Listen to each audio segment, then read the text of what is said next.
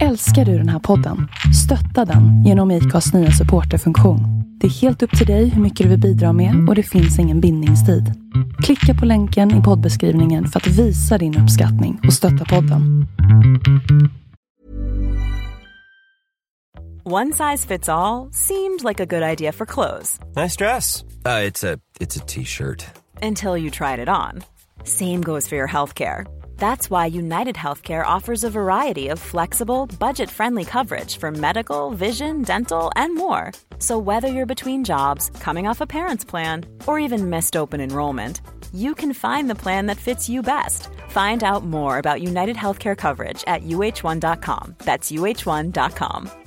This is Paige, the co-host of Giggly Squad, and I want to tell you about a company that I've been loving, Olive and June. Olive and June gives you everything that you need for a salon quality manicure in one box. And if you break it down, it really comes out to $2 a manicure, which is absolutely insane. It's also so easy to get salon worthy nails at home with Olive and June. The difference between how your nails used to look when you did them yourself and now with the Manny system is a complete game changer. The best thing about Olive and June too is it's a quick dry, dries in about one minute, lasts for five days, and full coverage in up to one to two coats. Visit oliveandjune.com slash perfect manny 20 for 20% off your first system. That's oliveandjune.com slash perfect manny 20 for 20% off your first system system.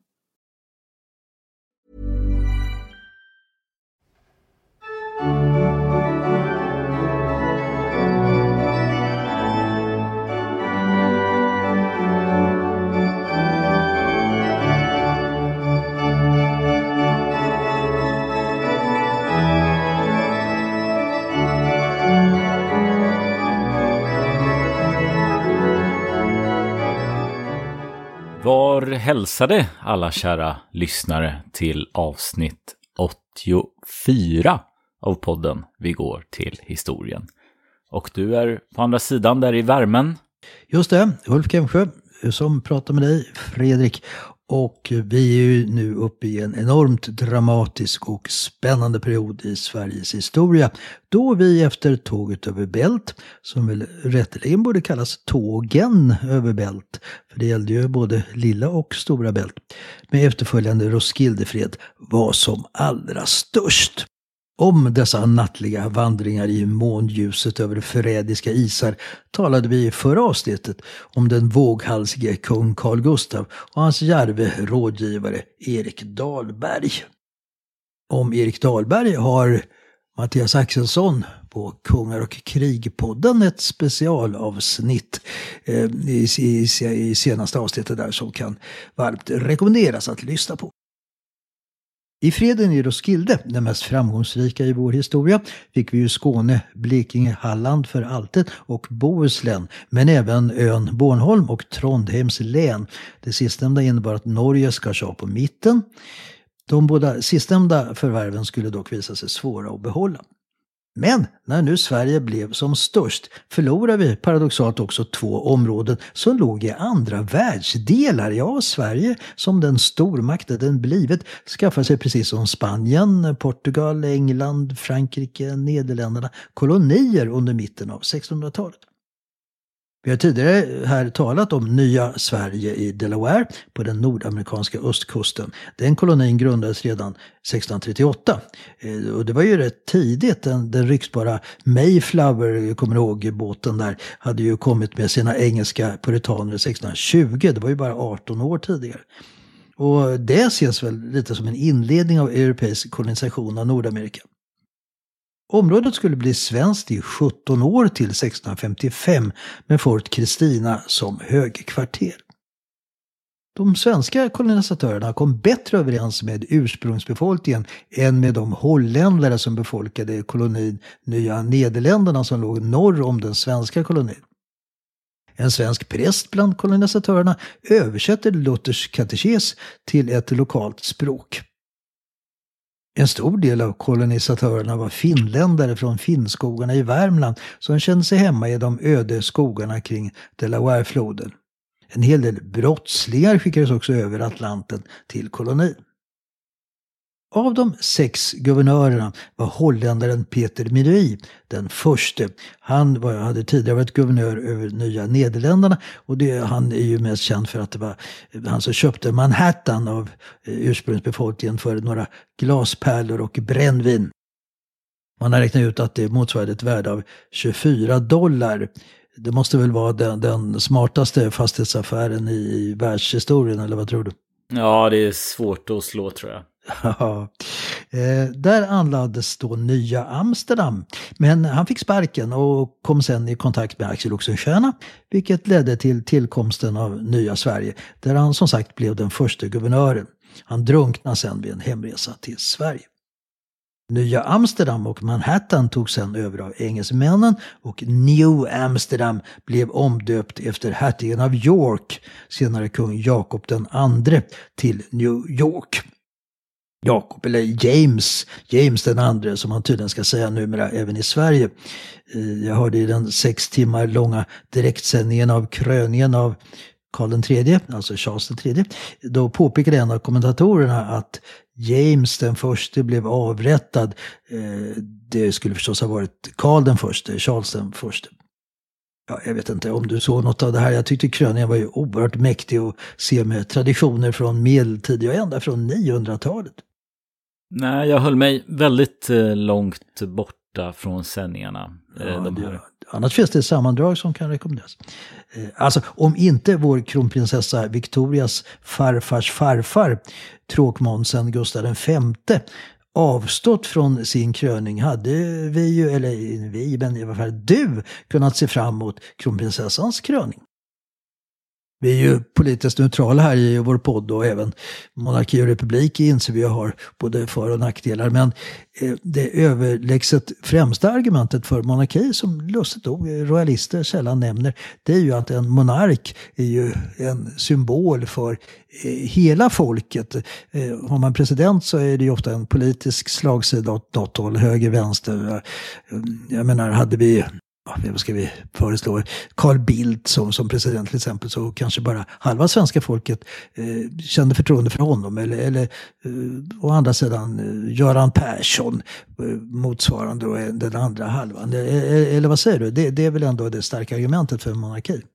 Ja, det är det starka argumentet. Sen, sen tycker jag du var lite blygsam där i, i början. Det är klart att vi inte behöver vara så neutrala. Eh, utan vi kan väl vara ganska tydliga med att du är mer för monarkin och, och jag är mer tveksam. Eh, men det är väl just det här argumentet att eh, kunna samla hela befolkningen och inte endast då kanske 51 procent varav 49 ogillar den. Eh, så, så det är det, bästa argumentet. Mm. Av guvernör, guvernörerna över nya Sverige är den frodige, rödbrusige och bistre Johan Prins mest känd och den som var där längst mellan 1643 och 1653. På grund av sin korpulens kallades han av, av ursprungsbefolkningen för Storbuken.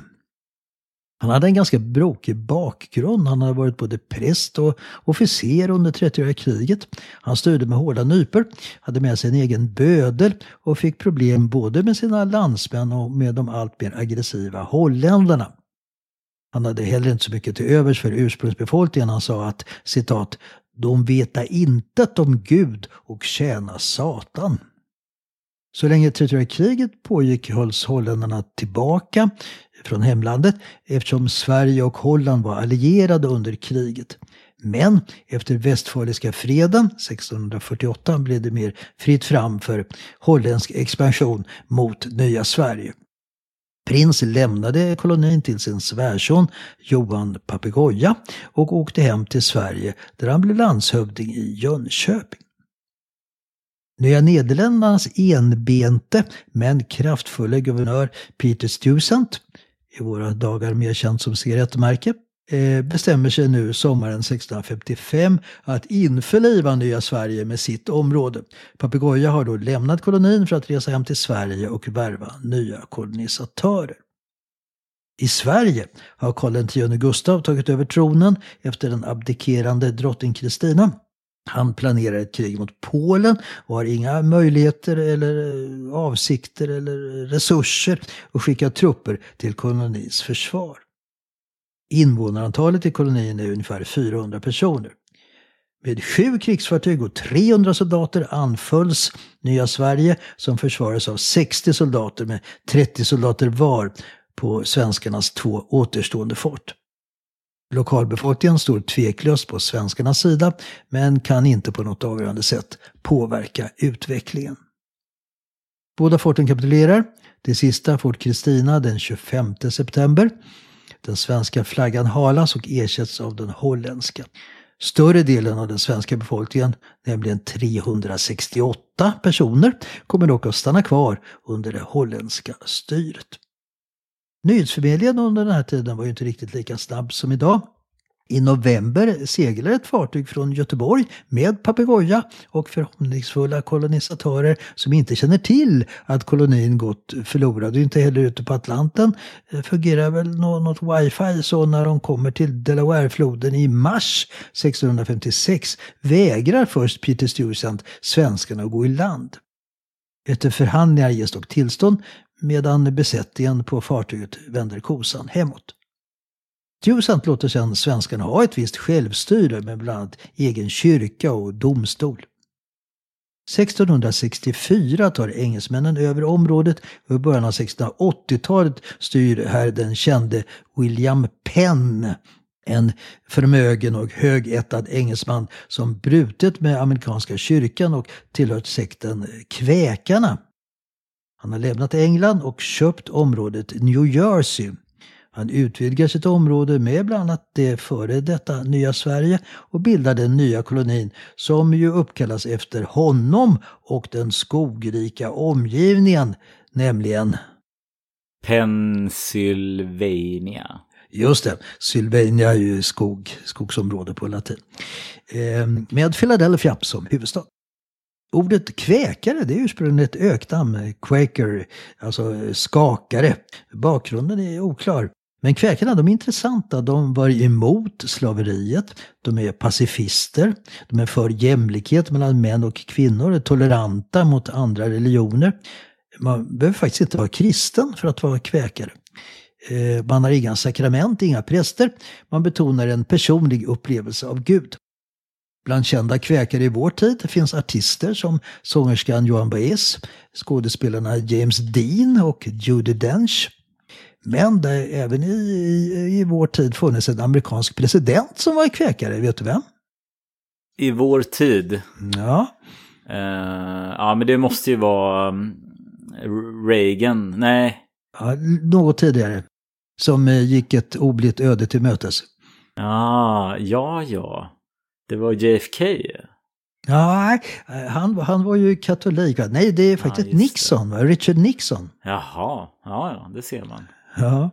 Eh, ja, det är svårt att... Det, är, det här med religion och amerikanska presidenter. Det är svårt att tänka sig en amerikansk president som inte är, som inte är kristen. Man, man, man har ju använt det här ordet WASP, alltså WASP kanske det har hört. Alltså kraven för att bli president i USA. Eh, WASP, orden står då för White, Anglo-Saxon, Protestant.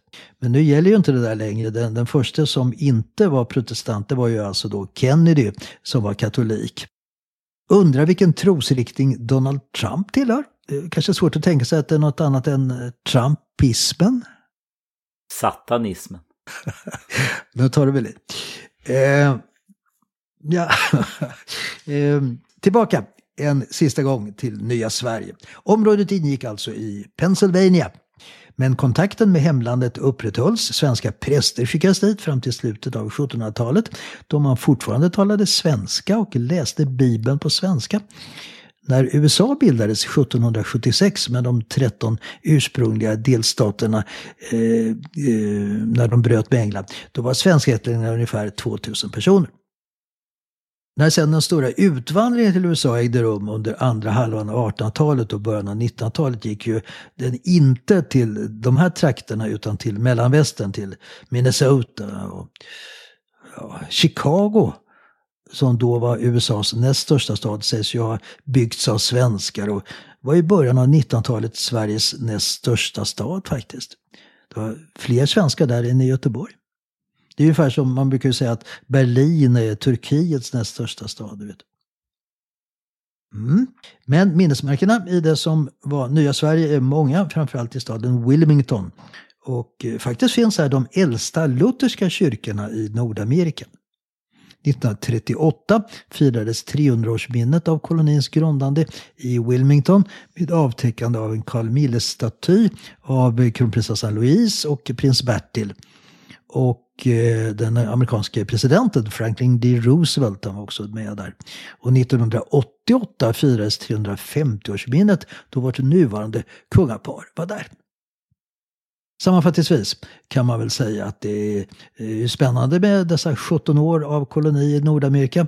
Att svenskarna kom bättre överens med lokalbefolkningen än andra europeiska kolonisatörer. Men att man inte riktigt hade resurser att i längden skicka fartyg fram och tillbaka över Atlanten och behålla kolonin. Men bara några år efter förlusten av nya Sverige skulle vi förlora vår andra utomeuropeiska koloni, nämligen Cabo Corso på den afrikanska västkusten. Den, den har vi inte tagit upp tidigare. Känner du igen namnet Johan Wilde? Nej, Nej, jag tror att han var populär lite, att du är lite för ung för det. Han var huvudfiguren i en tecknad serie och ungdomsromaner i slutet av 70-talet och början av 80-talet. Eh, och var väldigt populär. Han är då alltså en skeppsgosse som växer upp i Cabo Corso efter att ha flytt från sitt handelsfartyg. Författaren Janne Lundström låter oss möta honom på ålderns höst då han sitter som fånge på Vaxholms fästning och skriver de memoarer som vi får ta del av. Och de här seriealbumen de blev som sagt mycket populära och uppmärksammade en epok i vår historia som var mycket okänd och väl passade in också i det radikala 70-talet med sin uppmärksamhet av slavhandel med mera. Det var mer gångbart kanske än svenska stormaktskungar, ja det, det är väl likadant idag.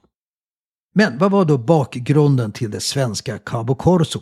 Vi befinner oss på den västafrikanska guldkusten där först portugiserna, sen holländarna och senare engelsmän och fransmän skulle lägga under sig de här kustområdena. Men även andra europeiska länder grundade handelsstationer och 1649 bildas Svenska Afrikanska kompaniet med den driftiga entreprenören, svenska industrins fader Louis De Geer som majoritetsägare. Man köper året därpå av en lokal kung det område som kallas Cabo Corso. Eh, när det gäller namnet så behåller man det här portugisiska Cabo Corso istället för att kalla det till exempel eh, svenska guldkusten. Det låter ju betydligt maffigare. Eller kanske Nya Sverige 2. Om jag minns rätt så använder sig eh, Johan Wilde av namnet Svenska guldkusten. Det fort som ursprungligen byggts av portugiserna och nu byggs ut får dock så småningom namnet Carolusborg efter Karl X Gustav. Det står fortfarande kvar för övrigt, om än ombyggt. Idag heter platsen Cape Coast sedan engelsmännen tagit över även här och ligger i landet Ghana. Ghana, det var ju det land som först blev fritt av Englands alla kolonier i Afrika år 1957. Och ett mindre fort i den östra delen av Cabo Corso, det var Accra, som ju idag eh, har vuxit ut till Ghanas huvudstad. Du vet. Det man framförallt handlar med i svenska Cabo Corso, det är slavar, elfenben, timmer och guld. Och när det gäller slavhandeln har ju den uppmärksammats i våra dagar och Louis De Geer har fått klä skott för den bland annat av ättlingen, den radikale konstnären Carl Johan De Geer. Men jämfört med andra europeiska kolonialmakter var förstås den svenska slavhandeln av blygsam omfattning. Men det finns dokument som visar dess brutala verklighet. Vid ett tillfälle färdades 260 slavar från Cabo Corso till Barbados. På grund av de olidliga förhållandena ombord dog nästan hälften, 110 stycken, under resan över Atlanten. På Barbados byttes de överlevande slavarna mot socker och eh, fartyget fortsatte med den nya lasten till Göteborg. Triangelhandeln fortsatte så med att man från Göteborg till Cabo Corso hade med sig varor som koppar, järn, tenn, speglar, knivar, brännvin med vars hjälp man alltså kunde köpa slavar. Trots det stora svinnet på slavar var Louis De Geer mycket nöjd med lönsamheten. Eh, och mycket intresserade, delaktiga och entusiastiska över denna handel var samtida kända personer som Gustav Horn, Ebba Brahe och drottning Kristina. Senare såldes slavar redan på den portugisiska ön São Tomé utanför den afrikanska kusten där de byttes mot socker som sedan transporterades till Europa. Ja, när det gäller svarta slavar kom faktiskt några till Sverige där de visades upp som något mycket exotiskt och blev spännande inslag vid hovet och på vissa adelsslott. När man nu håller De Geer skyldig för denna slavhandel kan man naturligtvis göra det. Men som vi brukar säga, man måste ju sätta in händelser i sitt tidssammanhang. Under den här tiden eh, förekom ju ingen som helst debatt eller ifrågasättande av behandlingen av slavarna. De betraktas väl knappast som, som fullvärdiga människor. Eh, Louis De Geer betraktades av sin samtid som en mycket god, generös människa som brydde sig om sina anställda och ägnade sig mycket åt välgörenhet. Att slavhandeln aldrig fick ett stort utrymme för svenskarna berodde inte på att vi redan på den här tiden var någon moralisk stormakt. Utan på att vi själva inte till, eh, att vi själva inte till, till skillnad då från engelsmän, holländare, eh, spanjorer, portugiser hade några plantager i Sydamerika eller Västindien där de kunde arbeta. Man utnämner i Cabo Corse en tysk som guvernör, Henrik Karloff, en opolitlig typ ska det visa sig. 1656 får han sparken sedan han anklagats för att ha bedrivit privat illegal handel och ersätts av Johan Philip von Krusenstjerna. Karloff går då i arvfienden Danmarks tjänst och i slutet av januari 1658, samtidigt som tågen över Bält, kommer han tillbaka till Cabo Corso med ett danskt kaparfartyg. Krusenstjerna har bara 16 soldater som ska försvara fortet medan Karloff värvar 2000 lokala krigare. Krusenstjerna kapitulerar, blir avsatt och arresterad. Den svenska guldkusten blir den danska guldkusten. Krusenstjerna friges på sommaren och reser hem och ansluter sig till kung Carl Gustaf på Själland. Den danska erövringen av Cabo Corso påverkar den svenska kungens tankar om den fortsatta inställningen till Danmark. Men eh, sista ordet är inte sagt här. Vi ska återkomma till Cabo Corso. Many of us have those stubborn pounds that seem impossible to lose, no matter how good we eat or how hard we work out. My solution is PlushCare. PlushCare is a leading telehealth provider with doctors who are there for you day and night to partner with you in your weight loss journey. They can prescribe FDA-approved weight loss medications like Wagovi and Zepbound for those who qualify. Plus, they accept most insurance plans. To get started, visit plushcare.com slash weight loss. That's plushcare.com slash weight loss. Hey, it's Ryan Reynolds, and I'm here with Keith, co-star of my upcoming film, If, only in theaters May 17th. Do you want to tell people the big news?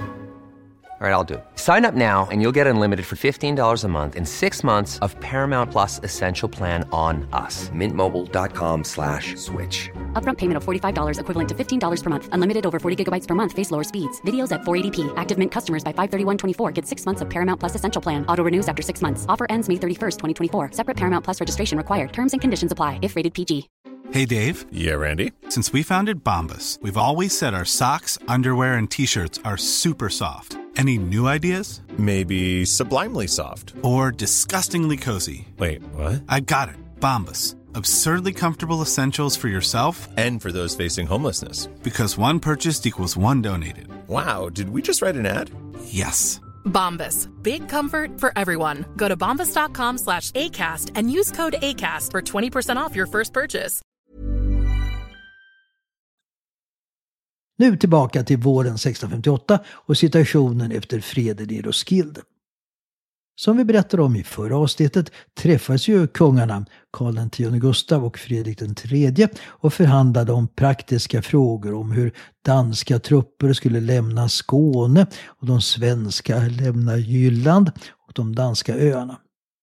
Datum för detta sätts till 1 maj men det finns en ömsesidig misstänksamhet. Fredrik irriterar sig till exempel för att den svenske kungens svärfar, hertigen av Holstein, ska få krigsersättning. Och Carl Gustaf oroar sig för att den holländska flottan ska förhindra att svenskarna ska dominera i Östersjön. Den svenska kungen vill inte upplösa sin armé så länge som Sverige fortfarande befinner sig i krig med Polen, Brandenburg, den tysk-romerske kejsaren och, och, och, och Ryssland. Något som ytterligare förstärker Carl Gustavs irritation är ju just då förlusten av Cabo Corso till Danmark. Under våren reser ju kungen, som vi också tog upp i förra avsnittet, runt i de nya provinserna Skåne, Blekinge, Halland och Bohuslän. I Göteborg träffar han sin drottning Hedvig Eleonora och för första gången den lille två och ett halvt-årige sonen Karl. Hedvig Eleonora kommer i fortsättningen ofta vara tillsammans med sin man. Säkert vill kungen ha någon ytterligare son för att trygga tronföljden. Barnadödligheten var ju hög. Men något mer barn kommer inte kungaparet att få. Till Göteborg kommer också riksrådet och riksdagsmedlemmar från de olika stånden. Kungen övertygar dessa att kriget i Nordtyskland måste fortsätta. Han vill inte kriga vidare i Polen, men utöka svenska besittningar i Västpreussen, där Brandenburg är huvudfienden. Däremot vill han avsluta kriget mot Ryssland, något också ryssarna är intresserade av och eh, det råder ett vapenstillestånd här och det blir ett fredsavtal i slutet av året. Men Carl Gustav oroar sig för att, uh, oroar sig för att, att eh, med trupperna lämna Sverige och Danmark för att föra till Tyskland utan att vara säker på att inte danskar och holländare i allians ska falla honom i ryggen. Att notera är att kungens makt ökat genom att både rikskanslern Erik Oxenstierna och riksmarsken Jakob de la Gardie avlidit och kungen har inte ersatt dem utan tagit över deras befattningar. Då inte hertigen Holstein får någon ersättning av danskarna låter Carl Gustav svenska trupper vara kvar i Danmark efter den 1 maj. Och i juni bestämmer sig Carl Gustaf för att återuppta kriget mot Danmark. Hans obetalade mål verkar nu vara att krossa Danmark fullständigt. Han talar om att de danska bönderna skulle välkomna det. De skulle få det bättre under svenskt styre. När det gäller adeln har han en plan att de som motsatte sig att Carl Gustaf skulle ta över ska utvisas till Ingermanland där de kunde få gårdar att, att bruka. Han bestämmer sig var hovrätter ska förläggas och att Köpenhamns universitet ska stängas. I augusti samlar Carl Gustaf sin krigsledning och den svenska flottan i Kiel och seglar därifrån upp i Stora Bält och landstiger i Korsör på Själlands västkust. Danskar flyr till Köpenhamn som fylls av flyktingar. Fredrik III bestämmer sig för att till varje pris nu försvara sin huvudstad. En del danskar vill ge upp och uppmanar kungen att fly från sin huvudstad och det är då Fredrik fäller sin berömda replik. Den ädle fågel dör i sin rede. Den ädla fågeln dör i sitt bo. Det är ett uttryck som kommer från Jobs bok i Gamla Testamentet. Fredrik III samlar nu representanter för alla grupper i Köpenhamn, rådsmedlemmarna, prästerna, universitetsprofessorerna, han lovar borgarna att de ska få samma privilegier som adeln om Köpenhamn nu kan försvara sin frihet. Hela Köpenhamn fylls nu av en enorm gemensam försvarsvilja, en lojalitet med kungen. Alla vapenföra män beväpnas, livsmedel lagras, alla som kan hålla i en spade Män som kvinnor, barn, gamlingar jobbar med att förstärka befästningsvallarna. Man river husen i förorterna och använder virket för att bygga försvarsverk. Den danske kungen lämnar sitt slott och bor ibland sitt folk i ett tält vid en av försvarsvallarna. Den holländska ambassadören lämnar stan för att via Öresund segla ner till Amsterdam för att försöka få hjälp därifrån. Några riksråd beger sig nu till den svenska kungens högkvarter för att undersöka möjligheter att nå en uppgörelse. Men Karl X Gustav ställer sig helt avvisande och förelämpar riksråden genom att prata om dansk, danskars allmänt kända opolitlighet och illvilja. Istället går han nu vidare mot den danska huvudstaden Eh, Eh, han kommer in i de nedrivna förstäderna ända fram till dagens paradgata Västerbrogärde, Där du vet bland annat Tivoli ligger. Eh, men han får hejda sig där framför försvarsvallarna och blir betänksam när han blir medveten om att huvudstadens befolkning är beredd att sälja sig dyrt, minst sagt. Erik Dahlberg råder kungen att genast storma staden medan riksamiralen Carl Gustav Wrangel föreslår en belägring. Och till skillnad från när det gällde marscherna över isarna på bälten lyssnar nu kungen på Wrangel istället för på Dahlberg. Han överger därför sin ursprungliga tanke att direkt storma staden och bestämmer sig istället för att belägra den. Danskarna gör också utfall från vallarna mot svenskarna. Och inte bara soldater och, utan inte minst stridsovana studenter från Köpenhamns universitet visar prov på yttersta mod och dödsfrakt. Alltså, ser man historiskt tillbaka på den svensk-danska historien kan man ju se hur nu rollerna är ombytta. Danskarna hade ju vid flera tillfällen som vi har pratat om belägrat Stockholm, du vet, eh, den svenska huvudstaden, alltså under Kristian den förste och Kristian den andre. Men du belägrar alltså svenskarna för första gången den danska huvudstaden. Under belägringen skickade den svenska kungen trupper till Kronborgs slott vid Helsingör. Och efter tre veckors belägring faller slottet som blir något av svenskarnas högkvarter i fortsättningen. Och så händer det Carl Gustaf fruktat. I slutet av oktober kommer en stor holländsk flotta inseglande mot Öresund för att undsätta den inneslutna danska huvudstaden. Men svenskarna är inte oförberedda. Vid Helsingör ligger riksamiral Carl Gustav Wrangel med 24 fartyg för att ge holländarna ett varmt mottagande. Och när holländarna efter några dagars vindstilla seglar in i Öresund blir de beskjutna från både Kronborg och Helsingborg på andra sidan det smala sundet. Ja, att det är smalt, det kommer vi ihåg, eller hur? De flesta av oss har väl åkt de blåvita färgerna mellan Helsingborg och Helsingör. Det första kanonskottet från Kronborg avlossas av Karl X Gustav som befinner sig där.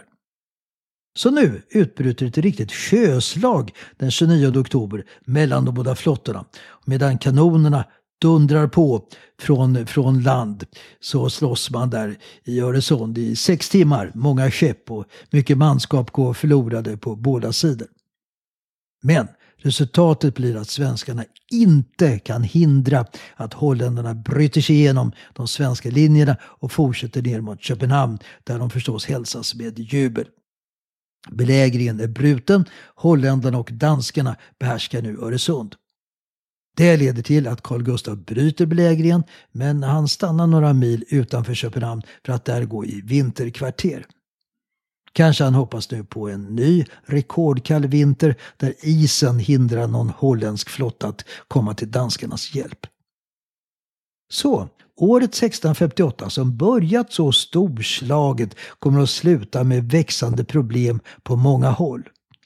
En gemensam här på 30 000 man bestående av Sveriges fiender Polacker, brandenburgare och österrikare marscherar genom Nordtyskland, genom Holstein och upp i Jylland. Svenska trupper besegras. Till sist håller svenskarna bara fästningen Fredriksodde. Trondheims län återtas av norrmän och danskar som besegrar den 600 man stora garnisonen under ledning av guvernören Claes Stjärnsköld efter att Trondheim belägrats en längre tid. Man går även in i Lappland och förstör Nasafjällets silvergruva. Och på Bornholm så skjuts den svenska guvernören Johan Prinsensköld ihjäl med ett pistolskott på öppen gata i huvudstaden Rönne. Och det här leder till att kyrkklockorna börjar ringa över hela ön och ett uppror startas lett av en Jens Kofod. Eh, attentatsmannen är denne Kofods svåger Willem Klausen. Dådet äger rum utanför Clausens eh, köpmangård. Idag finns ett minnesmärke på platsen som ligger vid Bornholms gymnasium. Den lilla svenska garnisonen på 60 man på Hammershus fästing besegras och eh, tas till fånga. När nya trupper anländer ovetande om vad som hänt lurar man dessa genom att låta svenska flaggor hänga kvar. Eh, så när de intet ont anande svenskarna går i land blir de överrumplade av anfallande danskar som tar även dem till fånga. Eh, det finns en samtida hemsk dansk folkvisa om hur bönderna på ön slog ihjäl alla svenskar, men får väl hoppas att det är en myt. Wilhelm Clausen, han belönas rikligen av kung Fredrik. Han får en årlig ersättning och blir kommunalråd i Rönne. Och en av färgerna på linjen Ystad-Rönne är uppkallad efter Wilhelm Clausen. Vad, vad, vad, vad, tycker du om det? Alltså det? Det är ju som en spårvagn i Stockholm eller en skärgårdsbåt skulle heta Ankarström eller kanske Skandiamannen. Ska, ska vi ta Skandiamannen till Vaxholm i eftermiddag? Mm, ja, exakt. Döpa efter en kallblodig mördare förstås. Ja, upprörande, eller hur? Mm.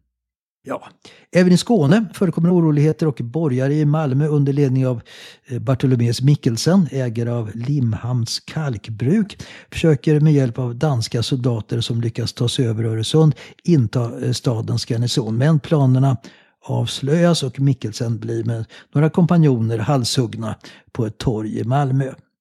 Men i norra Skåne bildas partisangrupper i Göingebygden, eh, snapphanarna, som vi sen får återkomma till. Karl X Gustav är dock inte den som ger upp. På nyåret 1658-59 bestämmer han sig för en stormning av Köpenhamn. Och den franske ledaren kardinal Mazarin skriver citat jag känner verklig beundran för den svenske konungens oförskräckta mod när jag tänker på hur han med sex mäktiga fiender emot sig likväl icke drives att taga ett enda steg tillbaka utan tvärtom likt palmen reser sig allt högre ju flera ansträngningar som göras för att böja honom. Ja, hur ska nu den svenska kungen reda ut allt detta? Året som hade börjat så bra ser nu ut att bli en kaotisk situation. Kan en stormning av Köpenhamn lyckas? Ja, svaret på de spännande frågorna får vi nu i nästa avsnitt om två veckor.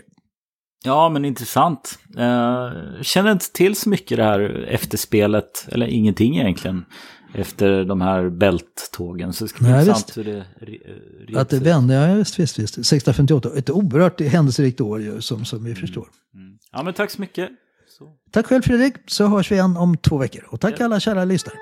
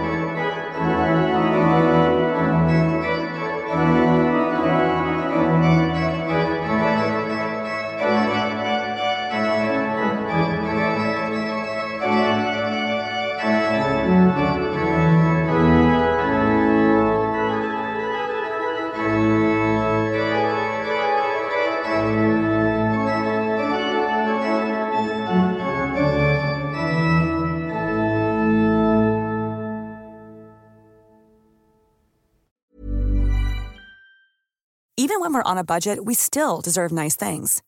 Quince is a place to scoop up stunning high-end goods for 50 to 80% less than similar brands. They have buttery soft cashmere sweaters starting at $50, luxurious Italian leather bags, and so much more. Plus, Quince only works with factories that use safe, ethical, and responsible manufacturing. Get the high-end goods you'll love without the high price tag with Quince. Go to quince.com slash style for free shipping and 365-day returns.